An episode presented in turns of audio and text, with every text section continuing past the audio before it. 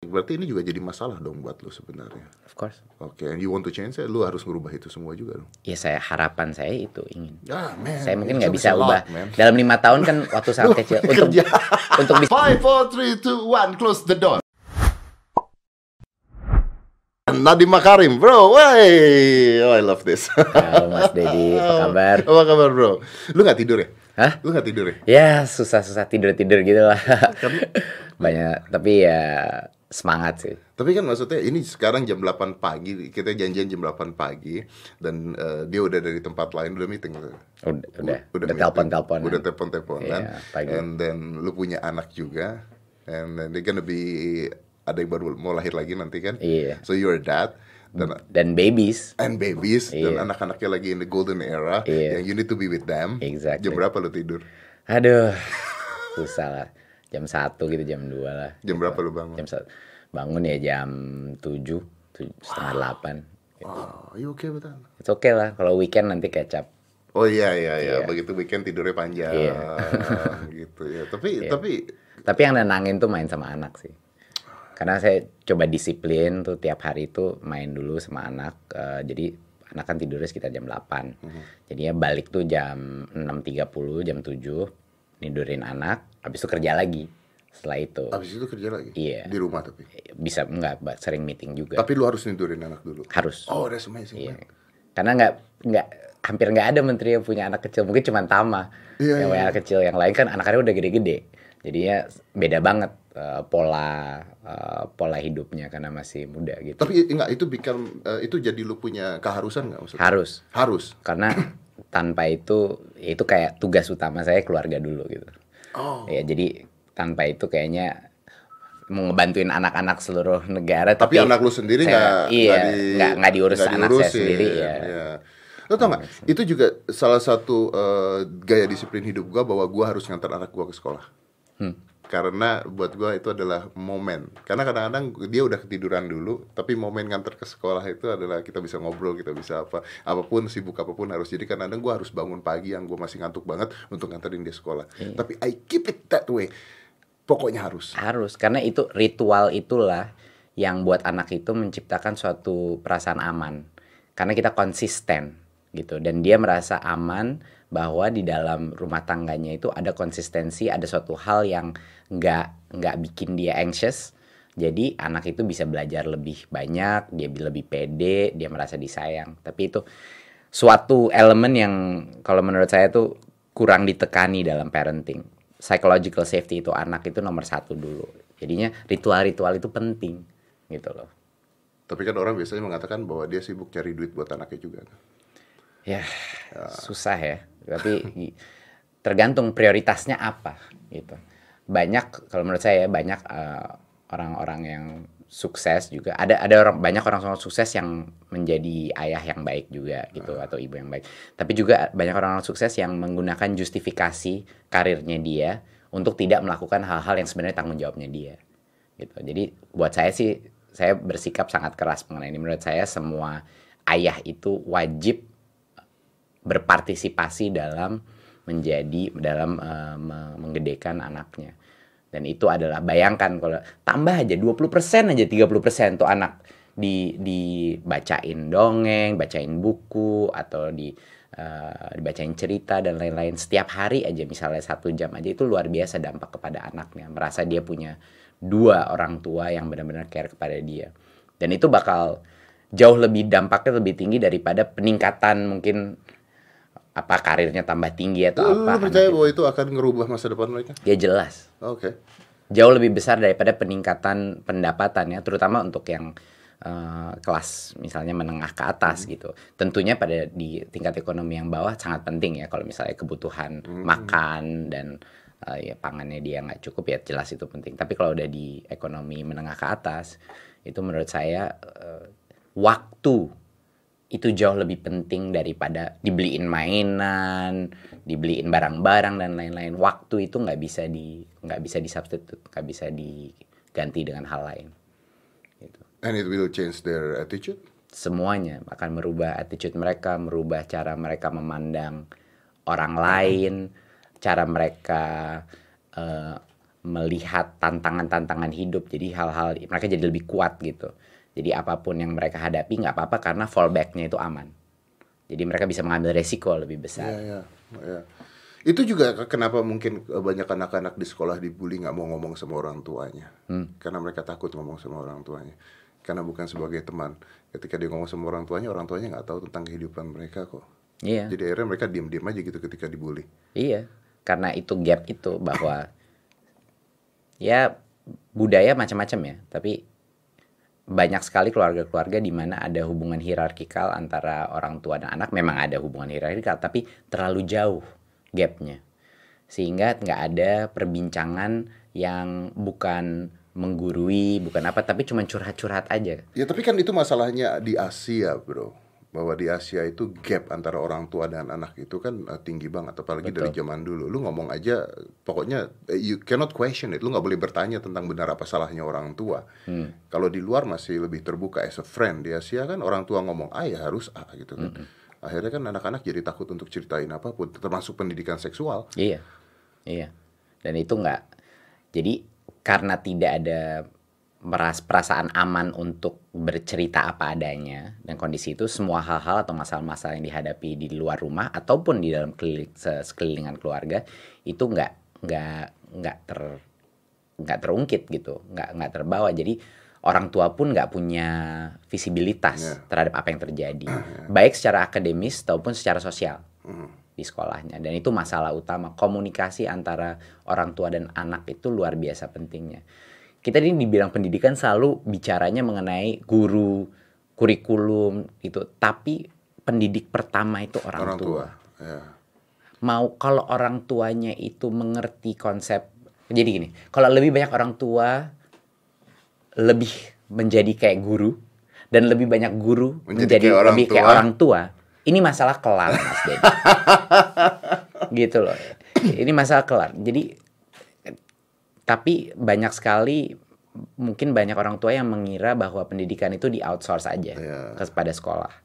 Dan dia tidak menyadari bahwa sebenarnya dampaknya dia kepada anak itu jauh lebih besar gitu. Kalau di rumah tangganya itu adalah orang tua yang berguru gitu loh ya. Kalau orang tua yang mendidik dengan cara kebatinan yang kuat dan lain itu mau sekolahnya sebagus atau sejelek apa pun itu anak bakal oke itu anak bakal baik gitu. Tapi I'm agree to disagree. Jadi begini, eh begini deh, eh, gimana caranya lu mengatakan bahwa kalau orang tua menjadi guru dan kalau guru menjadi orang tua maka masalahnya akan benar. bukan lebih menjadi Oke, lebih menjadi Iya, lebih iya, menjadi iya, orang tua. iya.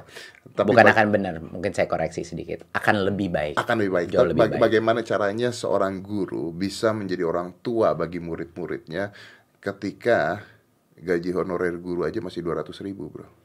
ya Eh, How how you gonna solve that problem?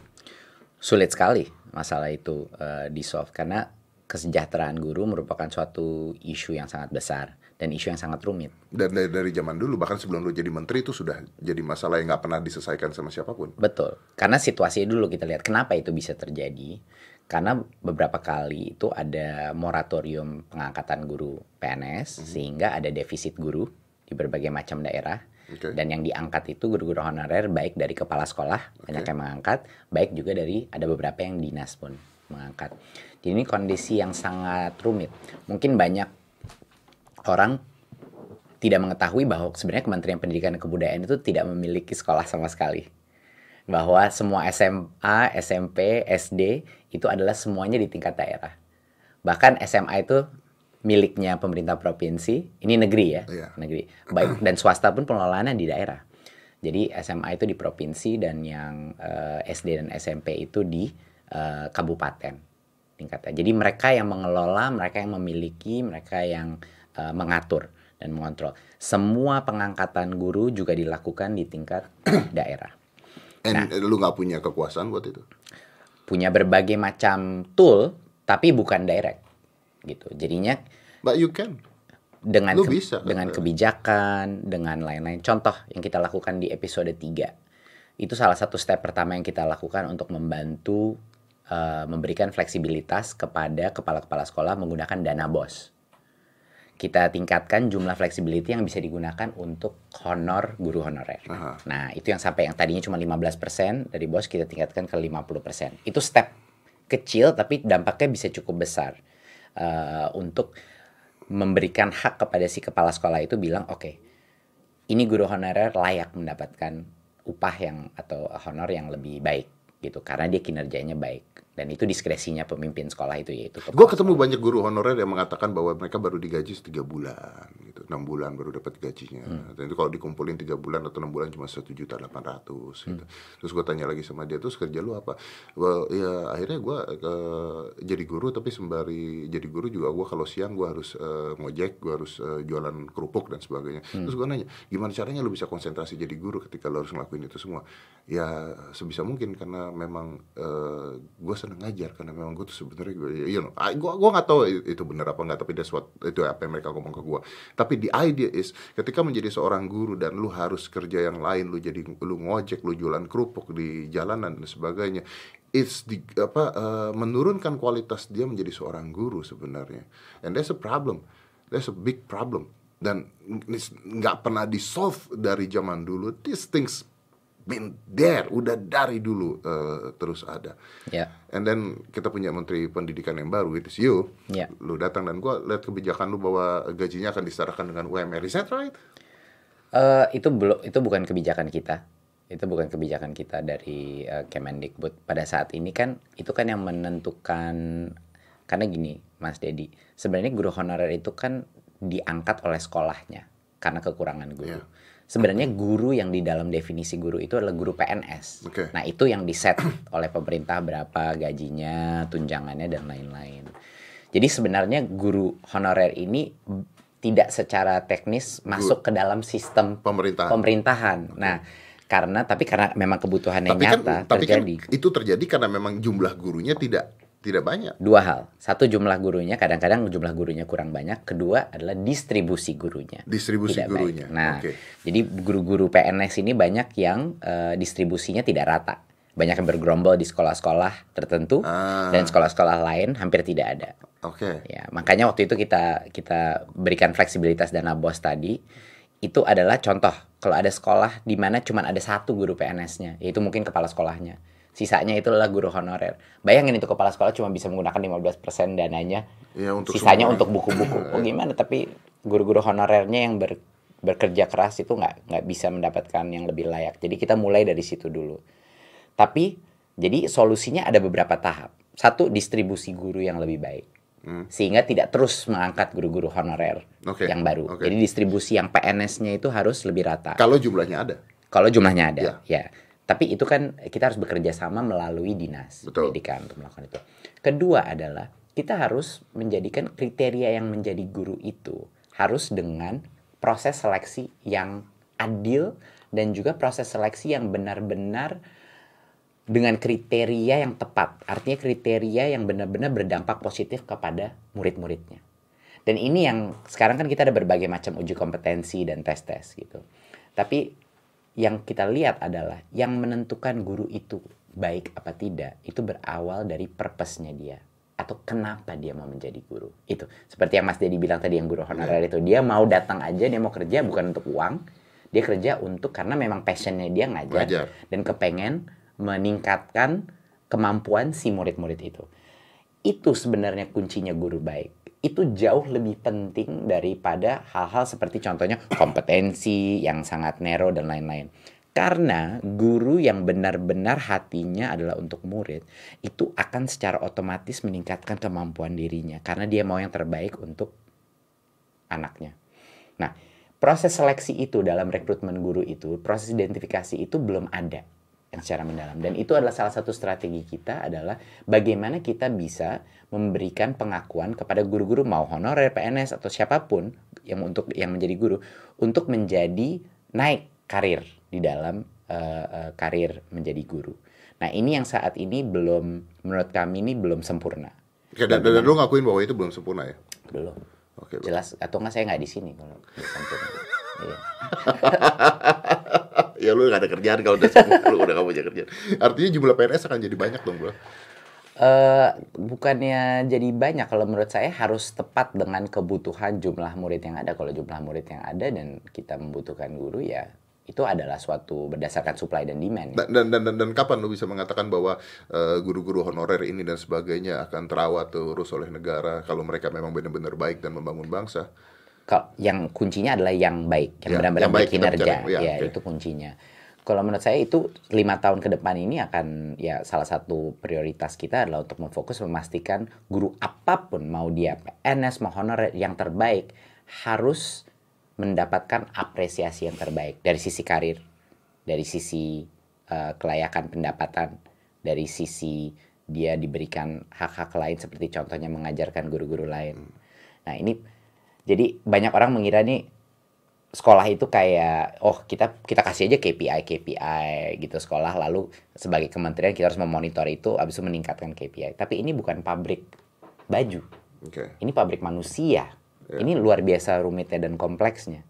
Jadi sebenarnya effort terbesar adalah untuk bagaimana kita mendevelop pemimpin-pemimpin akademis, yaitu guru-guru, sampai ke kepala sekolah, sampai dengan pengawas, yang terbaik, manusia terbaik. Jadi ini lebih lebih seperti leadership development transformasi gitu. Ini lebih mengenai perubahan kultur di dalam sekolah-sekolah kita dan perubahan kultur itu harus terjadi dengan orang-orang yang mempunyai mindset yang baik yaitu orang-orang dewasanya. Kedua, memberikan kebebasan bagi orang-orang baik tadi untuk berkreasi dan berinovasi karena tanpa itu nggak ada perbaikan. Kalau dia tidak diberikan otonomi untuk bercoba. Tiga hal banyak tanya banyak coba banyak karya. Itu. Oke. itu metodologi yang harus di, selalu dilakukan dalam kelas. Dan yang ketiga adalah tentunya eh, harus organisasi itu bukan cuma diberikan kebebasan tapi diberikan resource. Resource untuk memperbaiki dirinya. Apakah itu melalui teknologi apakah itu dengan eh, transparansi budget yang baik biar uangnya itu nggak nggak nggak eh, transparan dan tidak di eh, apa disampingkan dengan berbagai macam oknum-oknum itu itu itu hal yang penting. Jadi ya kita harus pastikan orang-orangnya yang masuk terbaik menjadi pemimpin yang terbaik kita harus pastikan bahwa baik dari sisi kurikulum maupun kebijakan beban administrasi dan kebebasan mereka untuk menentukan bagaimana cara mengajar itu bisa dijamin ketiga dipastikan diberikan sumber daya yang cukup dan mumpuni dan yang terakhir adalah untuk memberikan mereka self learning tools dan transparansi dalam budget. Oke, Ah, y- you know gini bro, Eh gue suka sama lu. Dari pertama kali gue ketemu lu, ingat gak sih gue pertama kali ketemu lu pada Iya. saat di hitam putih Hitam zaman dulu, Gojek pada saat itu, Iya. right? Ya, dan gue suka sama lu apalagi ketika Gojeknya jalan dan sebagainya. I think you brilliant and you smart, lu pinter, lu brilliant. Gue suka sama lu, tapi eh, for this thing yang lu ngomongin barusan, eh, kita punya pemerintah udah ngasih omongan ini like become sugar talk. Dari zaman dulu.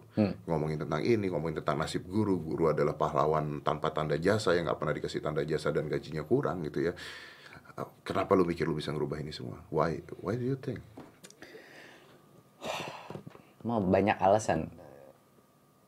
karena Mendi- mending karena kasih contoh ya. di sugar talk ya sudah udah dari zaman dulu Iya, orang tapi ngomong begini untuk eh, terus terang aja Mas Dedi, kita dalam 100 hari nggak ada sugar talknya sih, kita langsung action.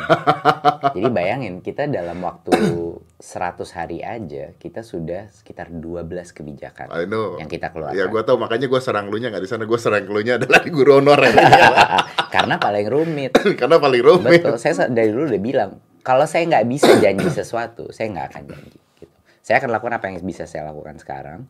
Tapi kalau ngomong-ngomong janji-janji kosong seperti waktu saya bilang itu sebagai guru-guru, saya nggak akan lakukan. Saya akan bilang kalau ini rumit, ini rumit. Jadi tunggu, sabar gitu. Yang masalah yang yang lebih rumit seperti itu. Karena memang decision makernya itu bukan hanya di kementerian, kementerian malah decision maker yang kecil harus dinas, anggaran, itu gimana uangnya dan pendanaannya dari mana dan lain-lain. Dan dan untuk yang 100 hari ke depan ini saya bukannya merasa pede atau apa bisa melakukan ini, tapi dari 100 hari aja kita melakukan hal yang belum Nah, pernah ya, dilakukan ya, ya, selama, ya, ya, selama 10 20 tahun. berapa dekade Iya. belum pernah Jadi dilakukan. tim kita ini di Kemendikbud merasa oke kalau kita bisa mulai ini melakukan hal-hal seperti ini seperti UN kita ubah jadi assessment kompetensi eh, kampus merdeka pertama kali tiga semester. Hmm, bisa di luar prodi dan di luar kampus itu kayak pasti Mas Dedi suka tuh ya gitu loh ya kan? school school of real world gitu kan. Eh, lalu eh, hal-hal seperti eh, RPP yang tadinya berpuluh-puluh halaman bisa bisa disederhanakan jadi satu halaman. Ini walaupun kecil-kecil tapi bos Mas Dedi waktu itu yang bos itu dikirim langsung kepada sekolah itu dulu kepala sekolah sama guru-guru itu mereka tiga bulan empat bulan tuh harus nalangin. Tadi kan Mas Dedi bilang nggak dibayar Nggak tuh tiga bulan. Itu setiap awal tahun banyaknya kepala sekolah dan guru-guru harus kalau nggak minjem sama orang tua Ya, gadein motor ya. gadein macam-macam pinjem-pinjem dari orang-orang nggak jelas di daerah. Itu semua terjadi cuman karena itu itu uang parkir dulu di di pemprov baru keluar. Jadi ada berbagai macam alasan administratif di mana terjadi penundaan simple kayaknya kecil kita transfer langsung ke sana tapi dampaknya besar gitu jadi kalau Mas Dedi tanya saya apakah saya PD untuk bisa membantu iya apakah PD bisa menyelesaikan dalam lima tahun belum tahu Tunggu Apakah dulu. apakah mereka boleh menaruh harapan ke lu? Oh, Of course. Tentu itu tugas saya kok. oh, I like that. Ya. Memang bukan hanya tugas saya, tapi ya udah jelas di tim kita gi- gini aja. Prioritas nomor satu adalah murid-murid di Indonesia itu belajar. Itu. Gimana murid-murid kita bisa belajar kalau orang-orang dewasa di sekolah-sekolah itu kebutuhan minimnya aja tidak terpenuhi. Jadi secara Ya, memang itu logika aja nggak make sense. masuk logika, Iya, betul. iya. Karena kita kan sangat user focus kepada murid-murid. Nah, tapi kan nggak sesimpel itu. Artinya kita harus benar-benar memberikan yang layak bagi yang patut menerima. Itu kuncinya. Gimana nih kita mengidentifikasi guru-guru Ya. penggerak? Guru-guru penggerak itu ada yang PNS, ada yang honorer. Ya. Banyak guru honorer lebih baik dari PNS, ada juga ada beberapa juga, guru ya. honorer yang nggak begitu baik Ya. gitu. Jadi itu yang seleksi proses itu siapa yang patut uh, menjadi benar-benar guru dan di di diberikan upah yang lebih layak itu adalah challenge utama saya sekarang Ya. untuk mengidentifikasi. Kenapa kenapa uang-uang itu bisa parkir di Pemprov? Memang dari dulu kan itu caranya mentransfer dulu ke Pemprov. Itu memang sudah bertahun-tahun seperti itu karena memang itu kan dana transfer daerah. Tapi Sampai karena bulan itu dari bulan tapi. kadang-kadang bisa tertunda se- sebesar itu ya itu realita di di lapangan is wrong? iya kasihan kasihan Dan tugas siapa buat ngerubah itu? kenapa Tugas siapa buat ngerubah itu? Tugas apa Tugasnya siapa buat ngerubah itu? ya pemerintah pemerintah itu kan uang pemerintah Oke. Sampai sekarang belum berubah. udah udah kita ubah Oh itu udah diubah. itu episode 3 Episode Merdeka tiga Belajar itu. iya Ah, oke. jadi sekarang dari udah bukan nggak mampir lagi ke Langsung. Pemprov langsung ke dana bos itu langsung ke sekolah Ah, dan yang tadi cuma boleh 15% Jadi, gunain non honorer jadi 50%. up to 50%, boleh Tapi I, I think you're crazy bro. Karena karena gue pada saat lu ditunjuk jadi menteri pendidikan ya, pada saat ditunjuk jadi menteri pendidikan, eh, this is honestly gue nggak eh, ngomong karena gue depan lu, gue ngeliat oh this is good. Karena gue merasa bahwa butuh orang yang agak gila sih sebenarnya gitu untuk untuk ngejalanin sesuatu yang gila juga gitu ya.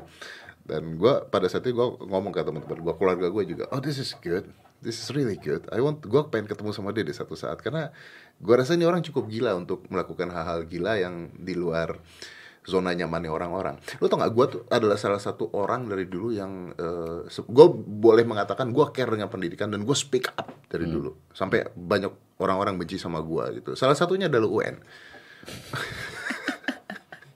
gue gue pernah ngomong di mana-mana. Gue pernah ngomong kalau UN itu adalah hal terbodoh yang pernah dilakukan di sekolah. Gue pernah ngomong begitu. Wow. Oke well uh, banyak murid-murid yang happy dengan perkataan gue gitu. Tapi gue diserang juga dengan uh, guru-guru dan kepala sekolah wah anda tidak mengerti tentang gini begini begini. Gue bilang gue ya gue nggak ngerti tentang UN oke lah gue nggak ngerti tentang UN tapi gue mengerti tentang ada orang bunuh diri gara-gara UN gue bilang.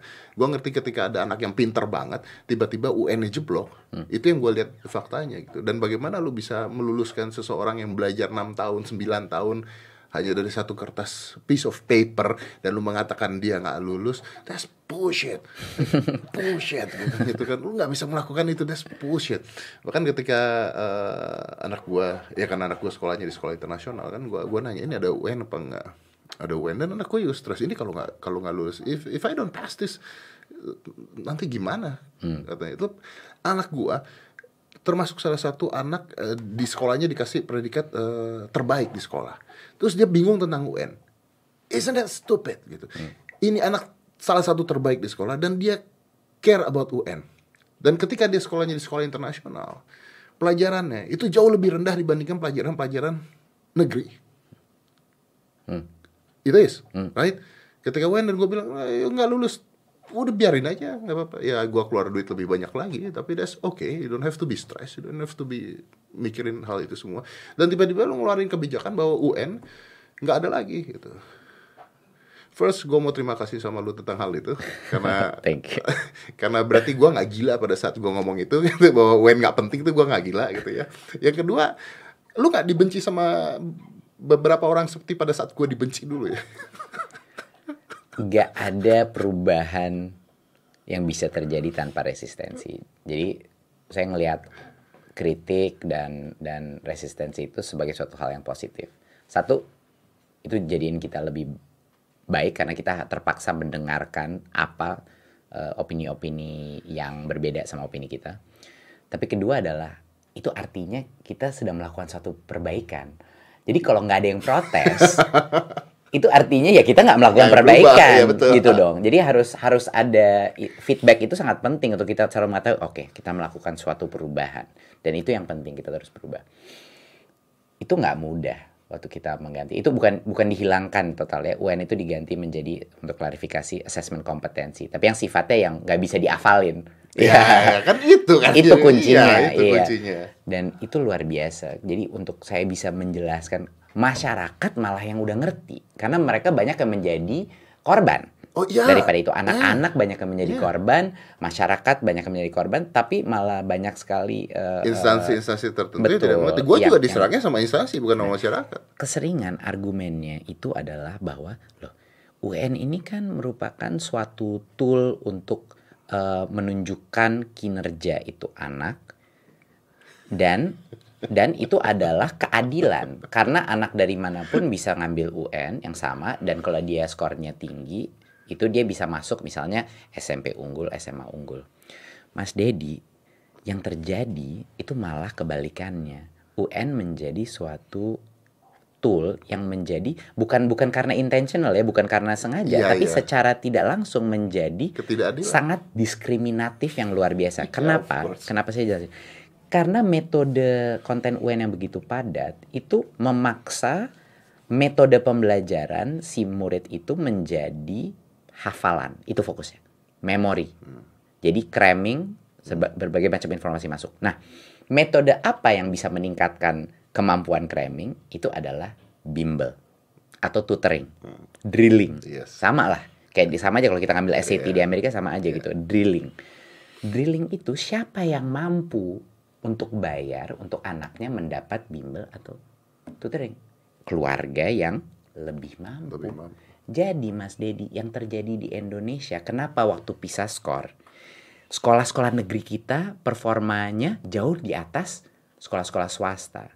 Yang terjadi di Indonesia sekarang adalah anak-anak dengan tingkat kelas ekonomi lebih atas, jadi misalnya menengah uh, bawah menengah, itu mereka yang masuk karena UN-nya tinggi, mereka yang masuk SMP negeri dan SMA negeri. Yang tingkat ekonomi rendah, yang tidak mampu membimbelkan anak-anaknya, dapat UN lebih rendah dan mereka terpaksa bayar di swasta. Jadi bayangkan, sistem pendidikan kita ini diskriminatif terhadap yang ekonomi lebih rendah. Karena yang mendapatkan angka lebih tinggi di UN secara otomatis yang ekonominya lebih tinggi. Masuknya negeri. Iya.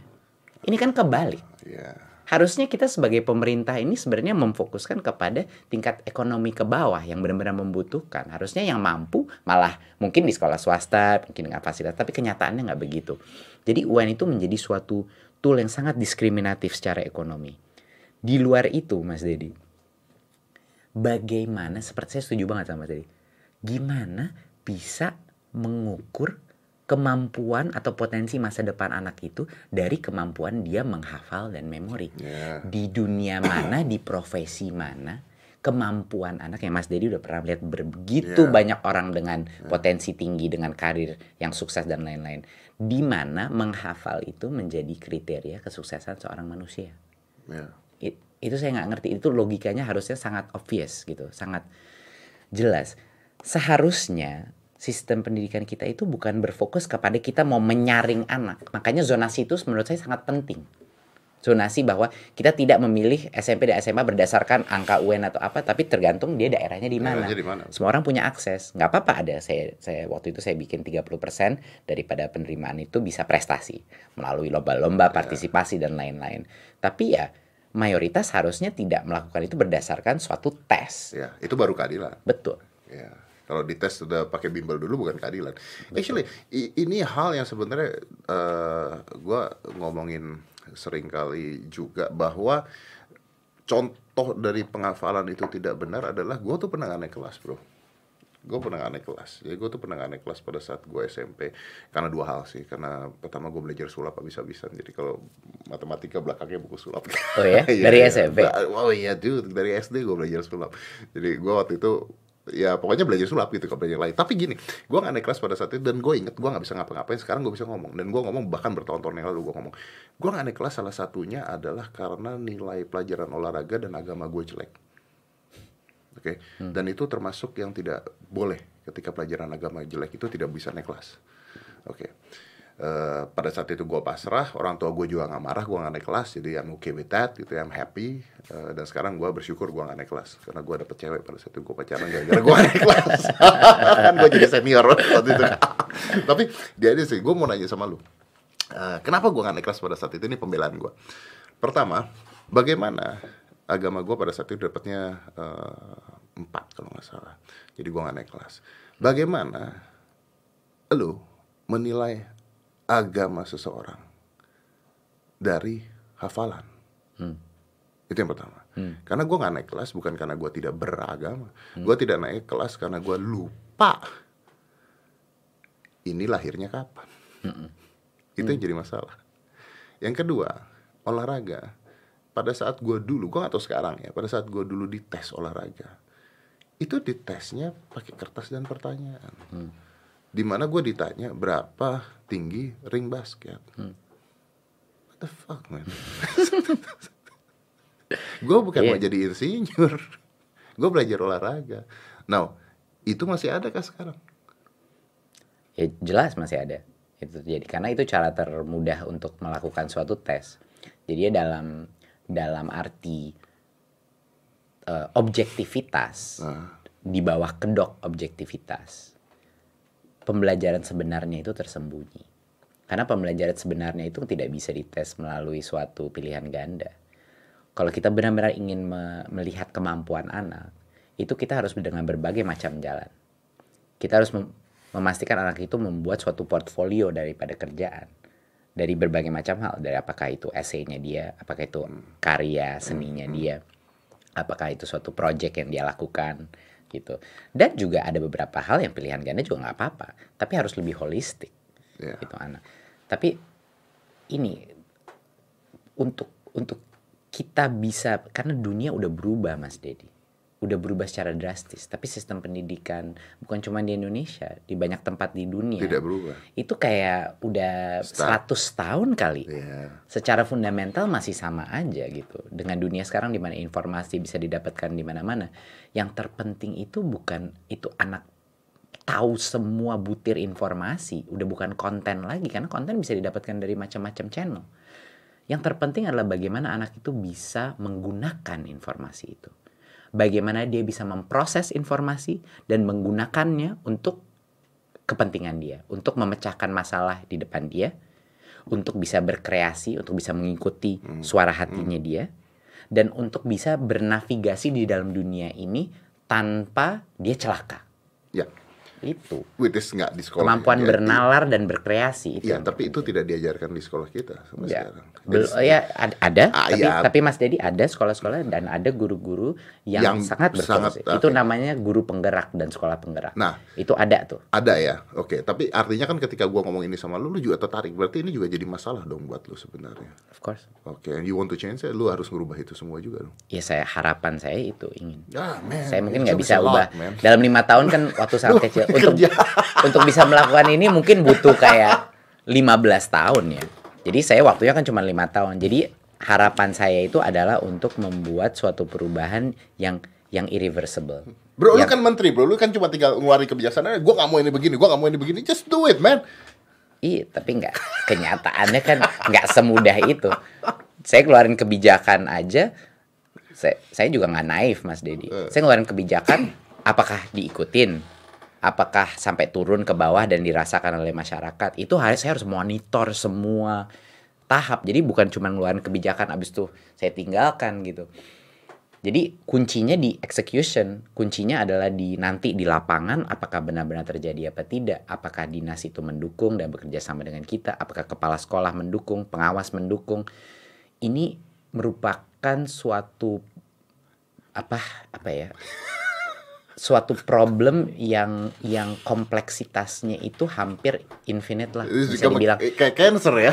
Eh, bukan ini kayak machine learning problem Uh-huh. gitu yang luar biasa rumitnya dengan ribuan variabel karena kita dealing dengan manusia Iya, but you've been there dan that ketika lu ngejalanin. nggak su- nggak serumit ini Oh ya? tapi good newsnya adalah saya saya agak memang agak mungkin benar mas mas Dedi bilang saya agak sedikit tidak waras karena saya senang saya senang problem-problem yang sangat rumit.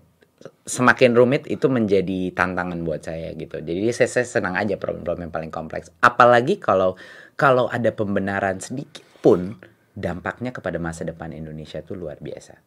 Itu saya saya yakin. Makanya saya benar-benar waktu itu bilang bahwa pendidikan itu adalah kunci dari semua masalah di masa depan kita. Five, four, three, two, one, close the door.